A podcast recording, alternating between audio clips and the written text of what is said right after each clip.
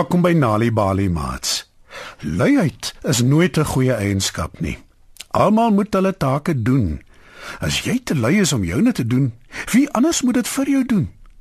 Jakkals het gedink as hy 'n vrou het, sal sy alles doen. Maar hy leer sy les op 'n harde manier. En dis waaroor vanaand se storie Jakkals en die son gaan. Dit is geskryf deur Marlene Winberg en Wendy Hartman. Skryf dit nader en spits julle oortjies. Lank, lank gelede was daar 'n dwaase, lui jakkals. Hy was oud genoeg om op sy eie te bly, maar tog verkies hy om saam met sy bejaarde vader in die Kalahari bosveld te bly. Een oggend word ou vader jakkals wakker en hy soek na sy seun. En daar kry hy hom vas aan die slaap. Hy het absoluut niks gedoen nie. Hy het nie hout bymekaar gemaak nie. Daar is geen vuur wat brand nie, geen kos is voorberei nie en al die bokke is nog in die kraal. "Word wakker!" roep die ou jakkals kwaai. "Jy is so lui. Jy doen absoluut niks nie. Daar is nie hout nie, daar is nie vuur nie, die bokke het nie uitgegaan nie. Ek kan nie meer al die dinge doen nie. Dis tyd dat jy jou eie plek kry. Ek is net te oud om jou ook nog op te pas." Die jong lui jakkal spring op uit die bed. Hy het nog nooit sy pa so kwaad gesien nie. Hy hardloop vinnig 'n gemaak hout bymekaar. Toe steek hy 'n vuur aan en sit 'n pot water op die vuur om te kook. Daarna vat hy die bokke uit om te gaan wei in die veld. Nadat hy al sy take voltooi het, gaan loop jakkal se end. Hy dink na oor wat sy pa gesê het. Hy is hy reg. Dit is miskien tyd dat ek iemand anders kry om na my om te sien. Ek wil beslis nie werk nie. Ek dink ek moet 'n vrou soek. Dink nie hoe gelukkig sal ek dan wees. Ja, ek gaan vir my 'n beeldskone een soek. Sy moet darm nie net werk nie, maar ook iets vir die oog wees, sê die jakkals. En toe begin hy sommer dadelik vrou soek. Hy sê heeltemal seker waar hy moet soek nie, maar hy kyk die hele tyd rond soos wat hy deur die Kalahari bosveld loop. Hy weet ook nie regtig vir wie hy moet soek nie. Al wat hy verseker weet is dat die vrou baie mooi moet wees. Skielik sien die jakkals iets blink op 'n rots tussen die bosse. Hy gaan nader om ondersoek in te stel. Al nader en nader beweeg die jakkals aan die rots. En hoe nader hy aan die rots kom, hoe pragtiger blink dit. Miskien is dit die gepaste vrou vir hom dink hy. Hy kruip tot amper by die rots sodat hy kan agterkom waar die pragtige blink skynsel vandaan kom. "Jy is voorwaar beeldskoon," sê Jakkals. "Maar wie is jy? En wat maak jy hier? Hoekom is jy alleen?" "Ek is die son," antwoord die skynsel. My gesin is besig om te reis om die hele wêreld. Maar hulle het my alleen hier agtergelaat want niemand wou my dra nie. Ek is te warm. Voeg die son by. Ek verstaan dit glad nie. Hoe kan 'n gesin so 'n beeldskone wese soos jy alleen agterlaat? Hoe is dit moontlik? Die son antwoord nie, maar skud net haar kop hartseer. Ek sal jou dra, sê die jakkals.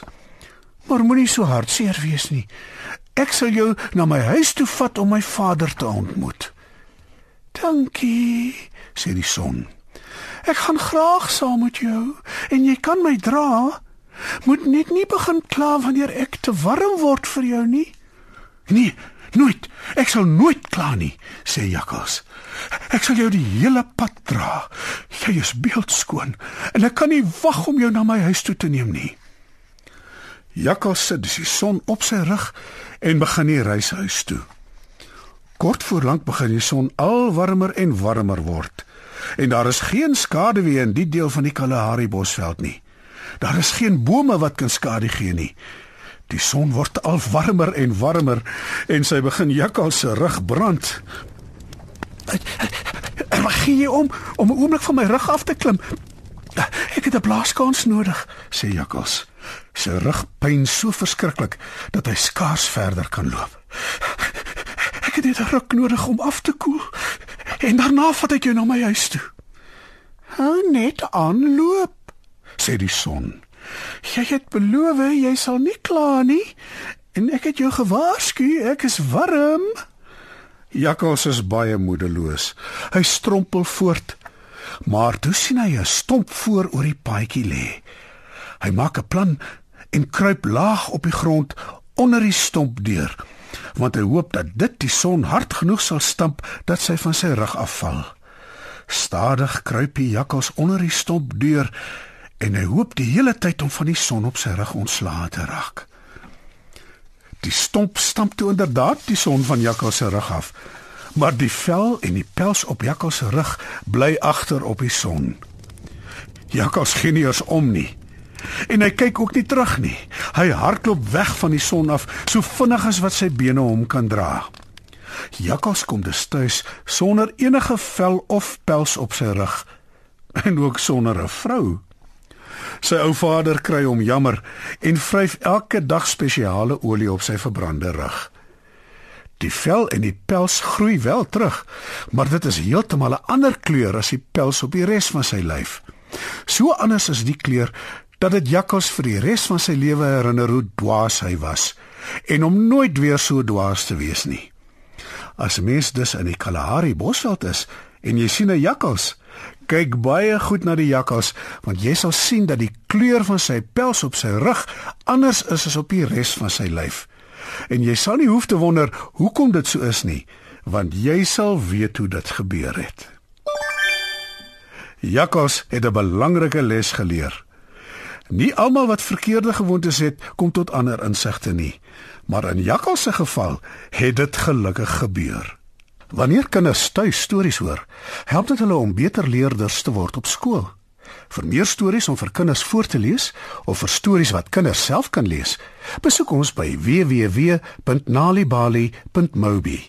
Daar is heelwat stories in verskeie tale absoluut gratis beskikbaar. Daar is ook wenke oor hoe om stories vir kinders te lees en met hulle te deel sodat hulle hulle volle potensiaal kan ontwikkel. Nali Bali is ook op Facebook. Story Power. Bring dit huis toe.